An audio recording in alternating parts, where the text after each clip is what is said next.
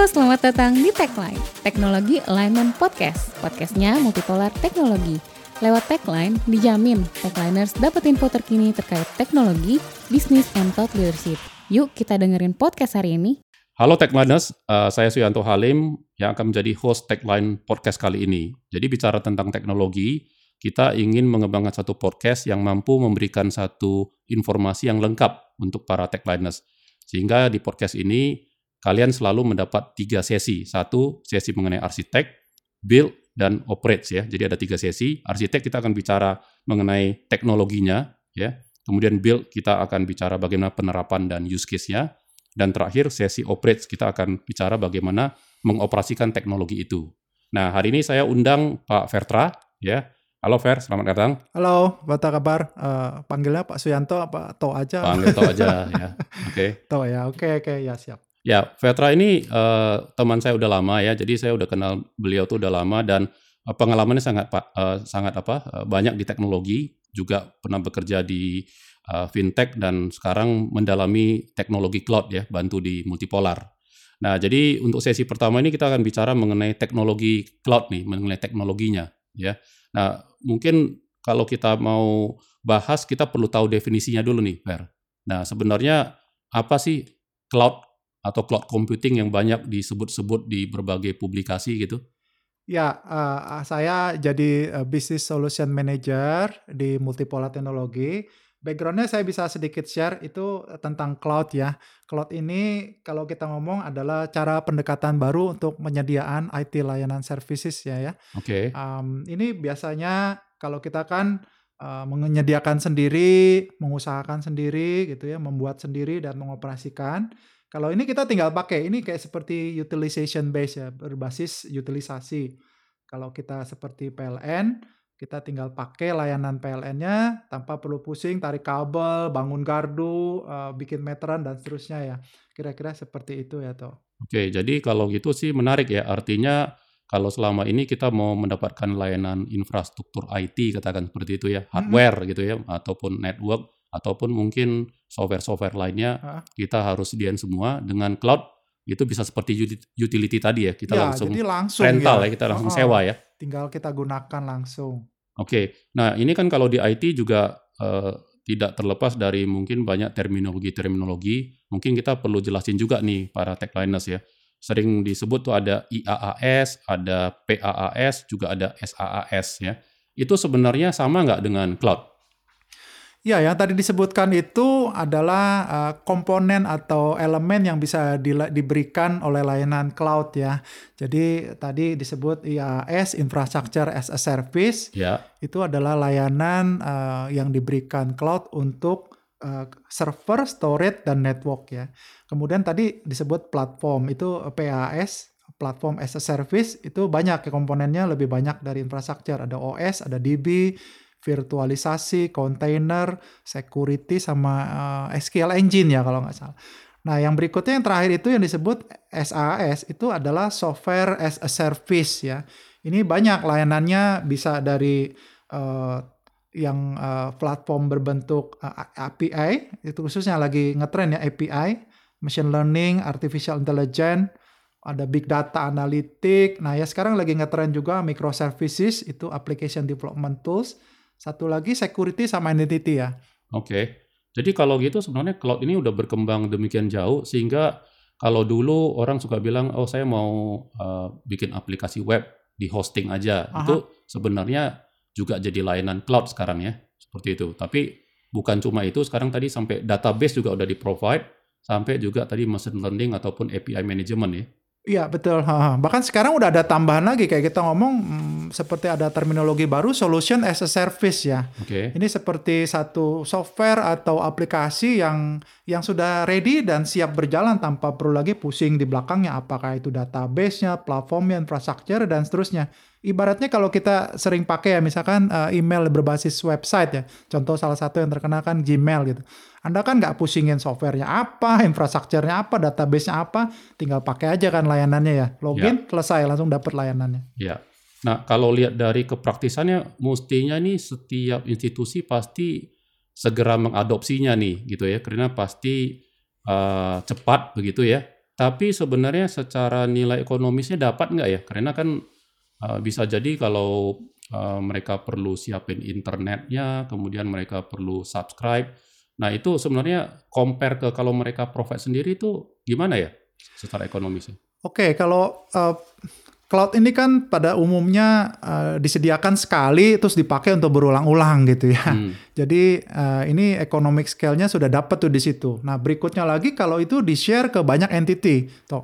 Jadi kalau satu satu kali bangun tapi dipakai atau di-share service-nya dengan multiple entity itu harganya bisa jadi murah ya cost-nya karena dibagi-bagi ke banyak pihak ya.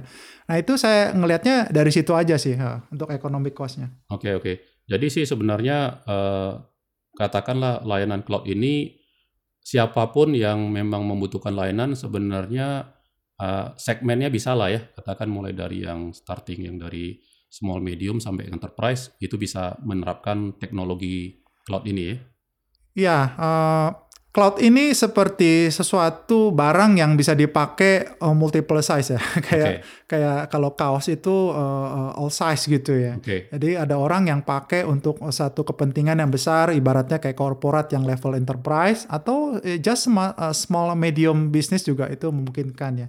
Kalau saya lihat dari uh, laporan Gartner mereka melakukan survei itu ada dua segmen dan masing-masing itu adopsi untuk cloudnya itu sangat besar. Jadi di enterprise level maupun di SMB.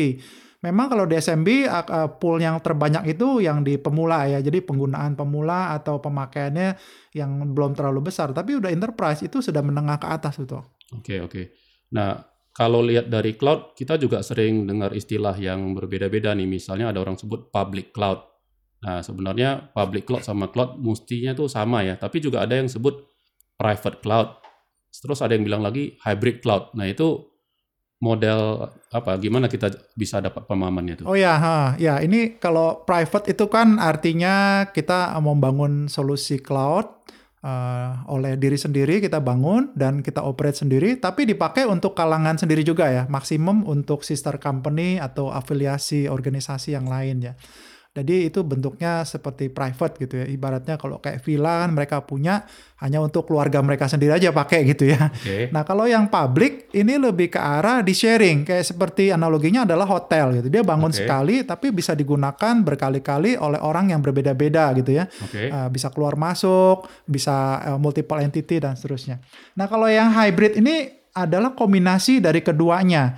Jadi ada orang yang pakai private, tapi juga dia punya juga akses ke yang public gitu. Jadi dia mengambil uh, kedua hal uh, dari dua sisi, mana yang terbaik dari sisi elemen mana dia akan ambil itu. Uh, jadi sebagian-sebagian, tapi bentuknya kombinasi sih, dua tetap jalan bersamaan. Jadi uh, katakan techliners itu punya opsi ya, mau memilih penerapan cloudnya seperti apa. Nah teknologinya udah ready lah. Mau... Ya itu sangat luas sekali ya, ya. sekarang ini. Oke. Okay. Nah, jadi saya kira di sesi satu ini kita bicara mengenai teknologi. Tadi udah dijelaskan mengenai bahwa di cloud itu bisa mempersiapkan customer untuk memperoleh layanan uh, hardware, infrastrukturnya, katakan seperti itu, bisa mendapatkan layanan dari sisi platformnya, yaitu termasuk hmm. operating system dan ya, database-nya, ya. hmm. sampai juga ke solusinya ya, uh, ataupun aplikasi ya. Betul, betul. Jadi tadi contohnya API management, saya kira itu yang akan menarik kita bahas nanti di ya, sesi boleh, 2 ah, seperti apa -apa. itu ya. ya Oke. Okay? Okay.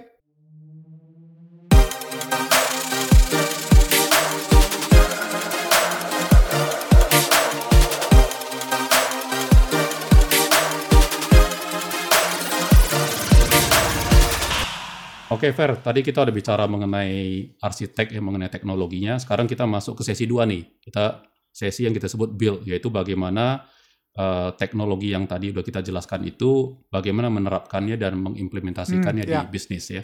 Nah, terakhir kita bicara tentang bahwa ternyata cloud itu bisa dipakai di berbagai segmen lah. Jasa necessary harus perusahaan yang besar sekali baru adopsi, tapi perusahaan yang startup pun bisa pakai betul, cloud betul, seperti yeah. itu ya. Nah, tapi kalau dari sisi industrinya, katakanlah perusahaan yang lebih tradisional yang mungkin selama ini bukan perusahaan yang memang digital gitu ya, tapi mereka mau mulai pakai cloud, uh, should be possible kan? Ya betul aja possible ya. Cuman memang secara digital native company kayak seperti startup atau fintech itu mereka adalah company yang uh, adopsi paling utama ya, paling pertama ya, early okay. adapter lah istilahnya kita sebut kayak gitu ya. belakangan ini juga ber, berambah dan berkembang ke uh, enterprise market atau traditional market yang uh, normal yang sudah berjalan ya. Mereka juga melihat bahwa ini keuntungan-keuntungan menggunakan cloud juga wah bagus juga nih untuk mereka dapatkan gitu ya. Uh, terutama dari sisi kesederhanaan operasional dan apalagi belakangan ini kan ada tekanan uh, budget ya orang di mana-mana bilang oh ini budget freeze, budget cut dan uh, budget saving gitu ya. Karena menggunakan begitu pindah ke cloud itu uh, eh, IT budget itu bisa dibantu ya, bisa langsung turun Berubah ya, gratis dari, sekali itu. Dari capital expenditure menjadi OPEX ya karena Betul, biaya bayarnya ya, bulanan uh, ya. Nah kalau kalau regular kan dia harus invest depan gede tuh toh. Nah ya. ini yang akan berubah drastis uh, karena mereka langsung based on utilisasi aja. Kalau lagi bisnis bagus ya wajar di charge-nya gede. Tapi kalau bisnisnya kurang atau workload-nya lagi kurang ya di charge-nya juga sedikit aja gitu ya.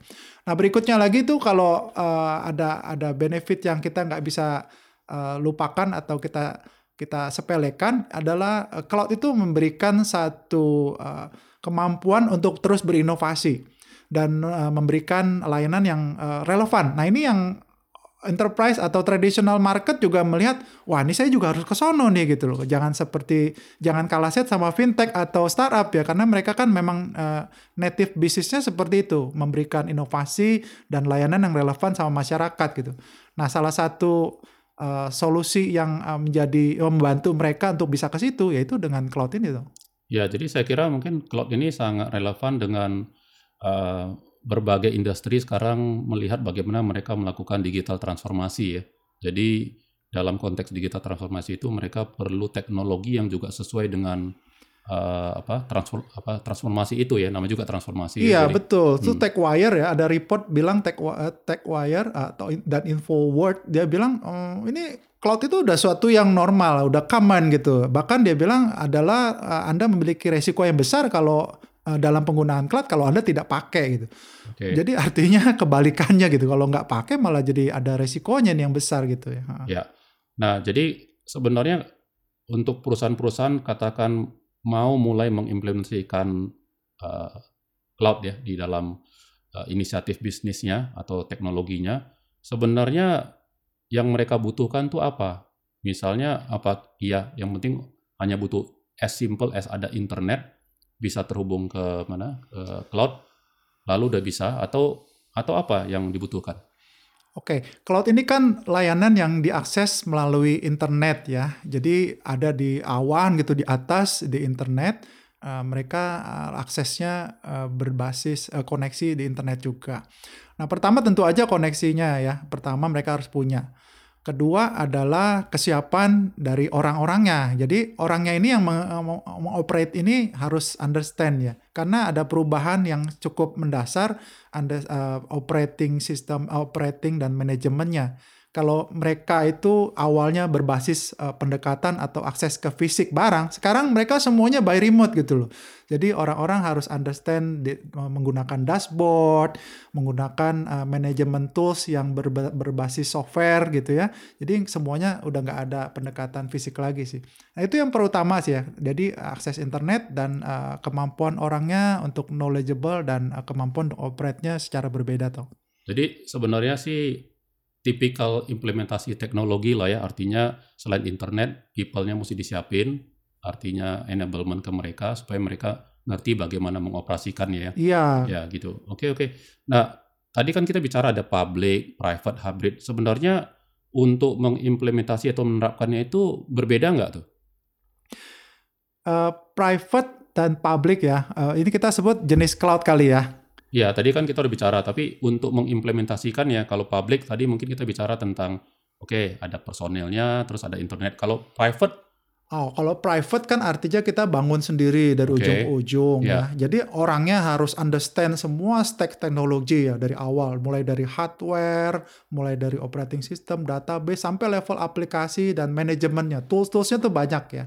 Uh, security, control, admin, dashboarding dan seterusnya. Kalau uh, private cloud itu kayak seperti itu.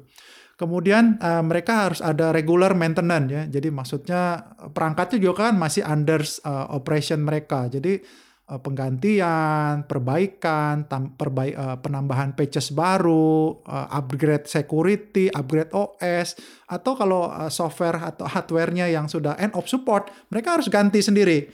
Nah itu kalau private bedanya memang agak agak sedikit repot sih pasti ya. Tapi kalau public cloud itu sebagian pekerjaan yang tadi saya sebutkan itu sudah menjadi tanggung jawab pihak ketiga sebagai penyedia cloud providernya.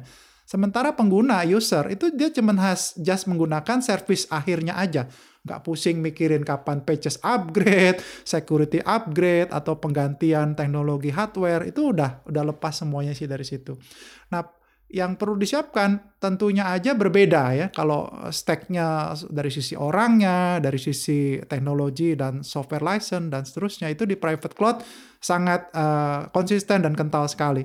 Sementara kalau di public cloud itu uh, sudah sudah lebih fokus untuk operasional, uh, lebih ke arah desainnya dan juga uh, pemakaian yang lebih efektif efisien tuh. Oke, jadi untuk perusahaan itu kalau dia mau migrate ke cloud ya atau migration ke cloud, itu sebenarnya ada berapa cara ya ataupun metodologi lah katakan seperti itu. Iya, lebih ke arah pendekatannya aplikasi kali ya. Kita kan harus uh, review juga kayak multipolar kan uh, punya satu kompetensi untuk bantuin customer untuk menjustifikasi aplikasi-aplikasi mereka ready nggak nih ke cloud gitu kan atau ada penyesuaian yang mereka perlukan. Nah itu sebenarnya cara migrasi aplikasi itu ada empat kalau kita ngomong terminologi umum ya di di uh, dunia cloud. Yang pertama itu rehosting. Rehosting itu atau kita sebut lift and shift itu adalah hanya langsung memindahkan aja. Aplikasinya uh, bisa langsung dipindahkan dari on premise langsung ke pindah ke platformnya cloud ya. Apa adanya, jadi tidak perlu ada yang dirubah-rubah lagi. Nah, yang kedua itu replatforming kita hanya mengubah uh, satu platform atau uh, bagian tertentu dari aplikasi, tapi secara aplikasi umumnya tetap sama. Contoh misalkan operating sistemnya deh. Oh, saya tadinya dari salah satu OS menjadi OS yang lain saya pindahkan sekaligus sambil pindahin ke cloud. Atau database-nya. Nah, ini yang sering orang pilih nih, karena database on cloud itu sangat murah sekali. Mereka pindahin migrate database, tapi layer aplikasi semuanya tetap sama apa adanya. Nah, yang ketiga itu adalah kita sebut relocate atau memindahkan. Posisinya kalau sekarang on premise gitu ya, runningnya di atas VM atau uh, virtual machine atau partisi, kita pindahin ke atas uh, microservices base, uh, sorry, uh, container base ya. Jadi kita pindahkan aja, kita sebut relocate, gitu. cuman mindahin posisinya aja. Nah yang keempat adalah refactoring Refactoring ini yang paling sebenarnya paling advance dari semua langkah. Jadi cukup kompleks ya. Yang pertama adalah dia melakukan redesigning ulang aplikasinya, kemudian dia melakukan coding ulang. Nah, ini makanya berat sekali ya. Tapi memang dengan langkah berat ini ada ada uh, benefit maksimalnya juga yang terbaik di mereka. Kenapa? Karena mereka akan langsung native running di atas uh, platform cloud sehingga bisa menikmati semua benefit yang ada ya, baik dari kecepatan, dari sisi skalabilitas, dari sisi efisiensi resources, juga dari sampai level uh, biayanya yang sangat uh, efisien gitu tuh. Ya, jadi saya kira untuk techliners kalau memang mau uh, rencana ya menggunakan cloud, melakukan migrasi aplikasi ke cloud, nggak usah khawatir ya, karena bisa as simple as tadi yang sebut ya live and oh, iya. jadi langsung di hosting aja Betul. di sana gitu ya. Ya ini semua metodologinya udah proven dan ada ya. tool-toolsnya semua ya. Sampai mau yang lebih advance sampai refactoring di mana memang mau ditulis ulang nih aplikasinya. Betul, ya. Oke. Okay. Ya. Nah, jadi kalau kita lihat di apa bisnis ya, mungkin kita bicara sedikit juga tentang sebenarnya kalau di komersial ataupun di perbankan itu udah menggunakan cloud belum sekarang ya? Udah sejauh apa dan apakah memang udah siap gitu? Oke, okay, kalau tadi saya sempat singgung di awal kan ada satu lembaga riset yang menyatakan ini baik SMB maupun enterprise dua-duanya udah pakai gitu kan. Cuman yang satu investasinya lebih sedikit, yang satu udah sangat masif gitu di atas ya. Nah sama di Indonesia market juga mirip-mirip tuh komersial itu kita ngomong uh, mereka kan jauh lebih fleksibel, dinamis dan lebih uh, agresif masuk ke pasar ya dan memasarkan layanan mereka. Mereka menggunakan uh, layanan cloud itu jauh lebih lebih advance sebenarnya kalau kita ngomong jujur. Karena buat mereka uh, sangat sangat uh, murah pertama dan cepat sekali untuk mengimplementasikan sesuatu yang yang baru atau uh, yang terbaik dan memberikan kontribusi bisnis yang maksimal bagi mereka. Nah, kalau yang enterprise market itu kan pasti mereka tergantung uh, regulasi, policy tertentu ya, khususnya lembaga regulator. Kalau kayak perbankan tadi kita sebut contohnya untuk enterprise market kan ada OJK ya. Dan yang satu lagi adalah uh, compliant terhadap uh, peraturan pemerintah 71 tahun 2019 kemarin ya. Ini uh, mengharuskan uh, ketersediaan uh, proses data itu harus ada di lokal market ya, sorry di lokal country kita. Jadi di dalam negeri gitu ya secara umumnya. Kemudian juga itu harus mengatur regulasi bagaimana transaksi elektronik itu harus berlangsung. Nah ini kalau secara umum kita sudah pelajari itu pendekatan cloud itu sudah comply ya pertama. Kemudian dari sisi uh, pelaksanaannya sudah bisa dilaksanakan atau disediakan dari uh, dalam negeri toh. Jadi data center hmm. data center itu kan sudah tersedia baik penyedianya dari uh, provider lokal maupun yang internasional itu. Oke, jadi sebenarnya sih kalau dari komersial tadi very clear ya, commerce katakan gitu mau uh, masuk ke cloud udah banyak lah gitu ya komersial betul, ya. Betul. Tapi kalau di perbankan juga semakin ready lagi dengan bahwa provider-provider dari cloud provider itu sebenarnya sudah sudah hadir di Indonesia ya sehingga ya, dan sudah hadir dan akan hadir lagi beberapa Oke okay. dan itu jadi bisa memenuhi banyak aturan-aturan yang dipersyaratkan oleh regulator ya. Iya, iya betul. Oke. Okay. Ya tentu kalau aplikasinya kita bisa bicara banyak nih, mungkin di perbankan juga aplikasinya bisa dari ya mungkin bisa dilihat dari aplikasi yang lebih apa ya non critical gitu ya untuk kita bisa taruh di cloud. Betul. Kalau di bank itu kalau kita invest inventarisir ya bisa ada mungkin seratusan 50 sampai 300 jenis aplikasi itu. Oke, okay, banyak pernah, sekali ya. Kita pernah review tuh pernah ya. Review ya. Nah, itu kalau dibikin dijajarin dibentuk matrix dari dari paling mudah sampai paling uh, istilahnya paling kompleks ya. untuk kita uh, pindah ke cloud itu ada beberapa step tuh. Jadi yang dari eksperimental itu bisa dimulai dari okay. situ ya atau sampai yang uh, eh, non critical sampai yang ke transform IT. Jadi harus full production berubah gitu ya. Nah, ini kita bisa menjustifikasi atau mempertimbangkan dari mana kita akan mulai. Kalau saya saranin dari blok eksperimen ya. Mulai dari misalnya website paling gampang kan, kemudian RF, uh, eh, development atau R&D gitu. Nah, itu sesuatu yang uh, cukup penting buat perusahaan tapi nggak terlalu critical sekali ya. Kemudian misalkan uh, mobile application, jadi meningkat sedikit demi sedikit kita meningkat gitu. Nanti baru yang paling terakhir mungkin kita akan consider core banking gitu atau peningkat uh, penerapan uh, biometrik, uh, multi uh, machine learning atau artificial intelligence uh, itu mungkin udah paling terakhir nanti kita akan bergerak ke sono. Tapi secara umum kita Eh, selalu mulai dari yang paling ringan dulu. Itu suggestion saya sih gitu loh. Mulai dari yang paling less risk, risikonya paling rendah, paling cepat kita kerjakan dan paling mudah gitu loh. Ya. Tapi kalau tadi kita bicara tentang aplikasi di perbankan sebenarnya kita bisa pakai juga cloud itu untuk yang non application ya. Mungkin untuk backup gitu Ah, itu uh, salah satu pendekatan yang uh, bisa dibilang tidak relevan ke aplikasi, tapi itu akan membantu banyak sekali sih operasional perbankan ya. Backup, disaster recovery, kemudian uh, pindahin untuk kita ngomong uh, helpdesk-nya gitu ya. Helpdesk-nya tadinya berbasis manusia, sekarang bisa dibantu dengan uh, robotik ya. Jadi suaranya suara robot gitu. Kita ngomong kayak seperti artificial intelligence gitu ya. Sekarang lagi marak kan robot gitu ya untuk chatting, ganti bantuin manusia bicara untuk uh, customer service. Itu bisa kayak gitu juga sih pendekatannya. Oke. Okay. Jadi saya kira kita udah bicara banyak tentang build ya. Kita dengar bagaimana sebenarnya penerapan cloud itu bisa diimplementasikan. Nah, berikutnya nanti kita masuk ke sesi tiga, kita akan bicara bagaimana mengoperasikannya. Ya. Jadi nanti dari sana mungkin para techliners bisa dapat insight lagi sebenarnya seberapa mudah atau seberapa sulit sebenarnya mengoperasikan cloud itu.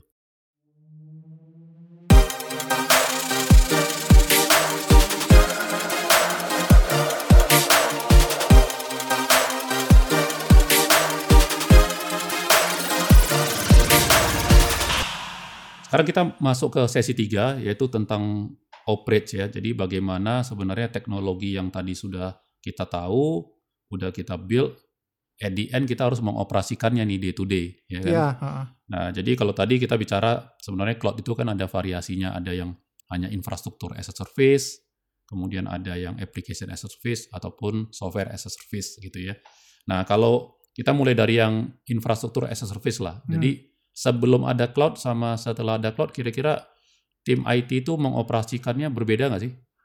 Wah, kalau orang IT bisa kayak seperti masuk ke satu area yang sangat luxury ya, di surga nih. Hmm. Kenapa? Karena tiba-tiba banyak sekali pekerjaan yang berbasis fisik ya, itu hilang gitu, diganti atau di take over oleh third party tadi tuh kalau dengan cloud.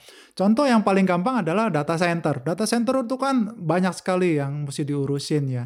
Mulai dari buildingnya, kapan lagi ada bocor, AC-nya mati, listriknya padam terus-terusan, networknya putus dan terusnya banyak. Itu tiba-tiba udah hilang.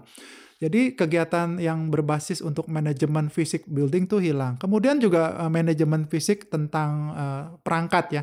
Kita ngomong ada server, storage, networking device. Itu kan karena sudah tidak ada lagi fisiknya di manage oleh uh, pihak ketiga.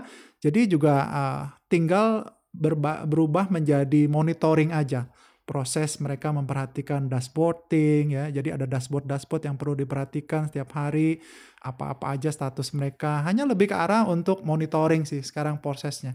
Uh, kemudian berikutnya adalah mereka tidak perlu lagi melakukan perbaikan atau penggantian kalau perangkatnya rusak kan tentu aja kayak gitu ya itu udah nggak ada lagi karena itu jadi bagian semua ada based on SLA ya ah betul SLA-nya dari pihak ketiga kita tinggal tagih aja kapan ya kapan diberusin dan seterusnya gitu oke okay. Nah itu kalau infrastruktur. Ya. Kemudian kalau kita masuk ke platform, berarti tadi kan platform berarti udah ada database gitu kira-kira operating system ya. ya. Nah itu juga secara mengoperasikan pasti jadi lebih mudah ya. Pastinya sih gitu ya, uh, karena contoh kegiatan-kegiatan yang yang sangat bikin pusing itu adalah masalah patches. Ini kan relevan ke uh, apa ke support ya dari sisi level OS, database, hypervisor dan seterusnya. Itu kan selalu harus di maintain ya. Tiap berapa bulan atau bahkan ada satu jenis operating system tiap satu bulan keluar patches baru. Nah, untuk proses penggantian patches sih sebentar, mungkin setengah jam sampai satu jam, tapi aplikasinya mesti down, mesti koordinasi dengan cabang, eh kita servisnya berhenti dulu dan seterusnya. Itu udah nggak ada lagi gitu. Kenapa? Karena kita akan transparan uh, dari sisi pengguna cloud, tidak perlu lakukan lagi proses upgrade patches, tambal security, dan seterusnya. Atau upgrade version juga mereka nggak perlu lakukan lagi. Kenapa? Karena sudah dihandle oleh third party. Itu. Jadi perubahannya bagaimana? Ini lebih ke arah perubahannya balik lagi ke monitoring, uh, statusnya, kemudian lebih ke arah operation. Fokusnya mereka lebih banyak ke situ sih. Jadi bukan ke arah okay. patches-patches lagi. Oke. Okay. Nah, yang terakhir kalau customer-nya sudah cukup advance masuk ke software as a service ya. Nah, ini kan menarik nih karena tadi disebut cukup banyak aplikasi-aplikasi yang udah ready to use di cloud ya. Secara day to day operationnya juga pasti berbeda nih untuk orang aplikasi ya. Ya, kalau orang aplikasi kan zaman dahulu kan bangun segala sesuatu dari nol ya. Mereka harus instalin software platformnya, harus understanding sistem database-nya, dia harus bikin uh, eh, API-nya sendiri dan seterusnya ya. Sekarang itu cara pendekatan orang aplikasi kalau sudah berbasis cloud, dia tinggal uh, memanggil aja. Jadi istilahnya call kalau sekarang lagi lagi ngetrend tuh call API gitu. API mana yang kita call? Tinggal call aja, responnya langsung kita dapat, langsung kita bisa gunakan untuk service layanan berikutnya gitu. Jadi banyak sekali mereka nggak perlu uh, develop mulai dari scrap, mulai dari nol, tinggal menggunakan utilize um, atau reuse dari apa yang sudah pernah ada atau memang tersedia di uh, ada di uh, platformnya cloud ya. Nah, ini contohnya misalnya mereka mau membangun solusi berbasis uh, keuangan gitu atau uh, komunikasi dengan bagian atau dan organisasi di luar menyangkut transaksi keuangan gitu. Mereka tinggal call aja API untuk um, uh, fintech gitu ya atau API untuk dia call uh, untuk ke payment gateway dan seterusnya. Ya itu akan lebih cepat membangunnya tapi nggak perlu lagi dia build dari scrap atau dia komunikasi dan deal bisnis dengan organisasi luar lebih dulu karena sudah memang uh, ready tinggal ya, pakai. Saya kira mungkin untuk uh, techliners yang sekarang menjalankan operation IT day to day mungkin bisa lebih paham nih tadi apa yang dijelasin sama Vetra karena memang bisa kebayang nih tadinya punya sendiri semua harus manage sendiri sekarang itu sebagian dari tugas itu di offload karena segala sesuatu yang basic-basic tadi sudah disediakan di di cloud dan Betul, dan iya. mereka tinggal pakai aja. Nah mungkin yang di sisi operation biasa yang satu hal juga paling uh, penting ya yaitu mengoperasikan security ini. Kalau setelah ada cloud security-nya apakah memang 100% jadi tanggung jawab mereka atau bagaimana secara security responsibility-nya? Ya, security itu termasuk salah satu tanggung jawab yang menjadi bagian dari cloud service provider sendiri tuh. Kalau customer pakainya IAS, PAS atau SAS, otomatis level security untuk eh, tiga hal itu uh, sudah menjadi uh, covering atau tanggung jawab dari service cloud providernya. Jadi user ada di mana dong sekarang? User itu lebih ke arah mereka fokus untuk uh, policy security di level aplikasi atau layanan mereka itu sendiri ya. Jadi udah terbebas dari security, mikirin security di platform, infrastructure dan softwarenya. Mereka hanya fokus di user akses, siapa yang bisa boleh masuk gitu loh. Dan kalau sudah masuk, dia boleh ngapain aja. Itu lebih arah otorisasinya ya itu memang harus tetap uh, mereka harus regulate kalau mau nggak mau karena service cloud provider nggak bisa uh, akses sampai level itu.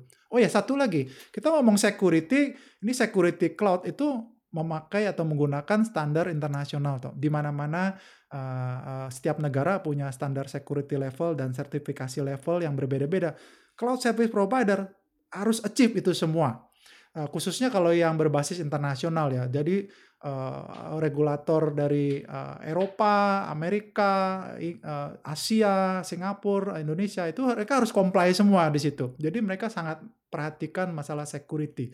Kalau kita ngomong udah kayak gini, artinya kan security levelnya uh, service cloud provider itu udah paling baik ya dibanding kalau kita yang lokalan gini gitu. Nah, contoh aja misalnya kalau uh, pengamanan data. Waktu data itu ditransfer dari tempat customer atau dari user ke cloud, itu diamankan dengan berlapis-lapis. Pertama yang paling simpel adalah yang uh, paling gampang otomatis dienkripsi. Jadi tanpa ada perintah pun data yang ditransfer selalu dienkrip. Artinya kalau orang bisa tap di tengah, dia bisa ambil gitu, dia juga nggak bisa baca itu apaan gitu karena sudah di, uh, disandikan gitu ya. Nah, berikutnya adalah uh, masalah pengamanan uh, penyimpanan. Waktu disimpan itu data yang dienkrip tadi itu disebar secara fisik toh. Jadi di beberapa disk itu bagian-bagian atau parsial dari data kita. Jadi kalau anggaplah secara fisik itu disknya diambil orang gitu satu gitu ya, dia bisa pecahkan. Dia cuma sebagian aja yang dia dapat data kita dan itu juga tetap dienkripsi master key-nya bahkan di-encrypt lagi gitu ya. Sudah di-enkripsi pakai master key, master key-nya di-encrypt lagi dan disebar lagi di berbagai tempat. Jadi saya bilang ini uh, teknologi yang security kayak gini kayaknya nggak mungkin dicapai di uh, penyedia uh, kalau kita sediakan sendiri ya. ya. Karena ini biayanya mahal, perlu knowledge-nya sangat tinggi sekali dan uh, perlu di-maintain terus-menerus gitu yang merepotkan. Gitu ya Tok kira-kira. Ya, jadi at the end company tetap perlu punya company information security policy-nya tinggal mereka bagaimana menerapkannya itu di infrastruktur cloud-nya. Yang ya. baru ya, penyesuaian baru, ya, gitu betul, ya. Penyesuaian. Ya menarik sekali sih. Jadi at the end saya kira dengan melihat bahwa uh, go to cloud itu ada metodologinya, kemudian kita juga harus melihat apakah kita mau mulai dengan infrastruktur dulu, atau kita langsung ke platform, atau even ke software as a service tadi ya, dan apakah kita mau langsung masuk ke public cloud, ataupun kayak tadi hybrid, ataupun private. Nah, banyak sekali aspek yang saya kira techliners harus pikirin sebenarnya kalau memang mau start. Nah, dalam konteks ini multipolar teknologi bisa membantu di mana, Ever? Ya, multipolar teknologi ini kan assist, uh, solution uh, solution integrator yang sudah lama terkenal di market Indonesia ya. Kita uh, sangat uh, sangat ahli sekali di pendekatan IT yang yang umum ya. Hari ini juga kira-kira 2-3 tahun yang lalu kita juga fokus untuk membantu klien mengimplementasikan atau mengadopsi teknologi berbasis cloud. Nah, kita tuh punya kompetensi mulai dari konsultansi, dari professional service sampai uh, uh, sertifikasi untuk kita menjual kembali solusi-solusi layanan berbasis uh, cloud ya toh. Jadi kita bisa bantu dari desain, arsitektur, assessment, kemudian migration juga dan operate-nya ya kayak kita bisa menyediakan juga sampai level managed service kalau dibutuhkan sama customer tuh. Oke, jadi saya kira tuh menarik sekali bahwa at uh, know-how-nya kita atau experience-nya kita di multipolar kita bisa bantu ya para techliners ataupun para uh, potensi users yang ingin masuk ke teknologi cloud ini ya. Oke, saya kira itu end of session ketiga kita, Fer. Jadi kita udah bicara banyak hari ini mengenai arsitektingnya, teknologi, mengenai bagaimana menerapkannya. Kita tadi bicara mengenai beberapa business case ya. Dan terakhir kita bicara kira-kira mengoperasikannya itu setelah ada cloud seperti apa ya. Iya. Thank you sekali nih untuk waktunya. Jadi saya kira nanti di podcast-podcast berikutnya kita bisa in touch lagi nih Fer Oh untuk ya, bisa bicara banget, tentang apa-apa. Oke. cloud yang selalu berkembang. Thank you Fer. Yuk, Techliner, see you again. Bye.